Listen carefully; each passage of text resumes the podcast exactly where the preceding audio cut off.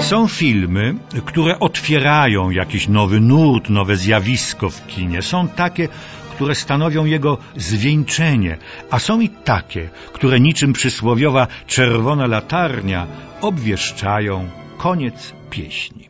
Tak było, jest i będzie. Ale czasami powstają filmy, powiem zaraz, znakomite, które stanowią prawdziwe kuriozum. I o takim filmie chciałbym dziś opowiedzieć. Film ten nosi tytuł Miejsce na górze. Powstał w Wielkiej Brytanii w roku 1959. Na marginesie. Już dwa lata później miał swoją polską premierę, co zawdzięczać należy między innymi po październikowej filmowej radzie repertuarowej, której nie chwaląc się, też byłem członkiem. Staraliśmy się o to, by na polskich ekranach prezentowane były najciekawsze, najwartościowsze artystycznie filmy z całego świata.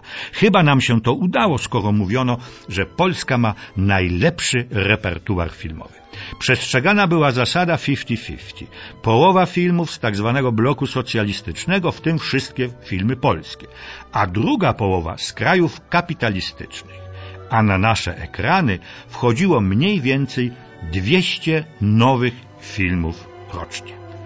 Takim ciekawym, wartościowym, pod każdym względem, widzowie szturmowali kina, a krytycy piali z zachwytu, było wspomniane brytyjskie miejsce na górze opowieść, która zbulwersowała publiczność i tych, którzy o filmach pisali. Pamiętajmy, że były to lata, przełom 50. i 60., kiedy po koszmarze wojny i trudach powojennych wiele społeczeństw, narodów, krajów weszło w okres rozwoju, widocznej zamożności czy wręcz dobrobytu. Ale, jak wiemy, każdy medal ma swoją odwrotną stronę, a natura ludzka skomplikowaną jest. Głównym bohaterem filmu jest młody, ambitny urzędnik Wydziału Finansowego firmy Borough, działającej w pewnym mieście leżącym na północy Anglii. Jego cel jest bardziej jasny niż, jak się okaże, prosty chce się za wszelką cenę znaleźć na owym tytułowym miejscu na górze. Co czyni? Rozkochuje w sobie Susan, córkę magnata przemysłowego, właściciela firmy, w której pracuje. No, trudno sobie wyobrazić, by ojciec mógł zgodzić się na taki związek. To też wysyła córkę do Francji. Liczy na to, że co z oczu, to z serca.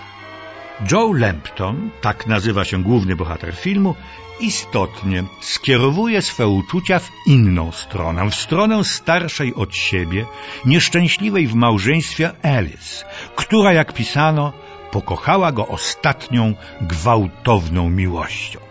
Mąż, kiedy dowiaduje się o romansie żony, grozi Joe, że go skompromituje. Wtedy Joe odwraca się od Alice. Po pewnym czasie wraca z wygnania Susan. Joe ją uwodzi, ale mimo wszystko nie potrafi zerwać z Alice. Sytuacja zmienia się radykalnie, kiedy okazuje się, że Susan jest w ciąży. Teraz, dla uniknięcia skandalu, ojcu dziewczyny zależy na jak najszybszym małżeństwie córki z ojcem jej jeszcze nienarodzonego dziecka. I w ten sposób paradoksalnie Joe osiąga to, do czego dążył. Tylko, że porzucona, zrozpaczona Eris nie potrafi się z tym pogodzić. Najpierw alkohol, potem śmierć w wypadku samochodowym.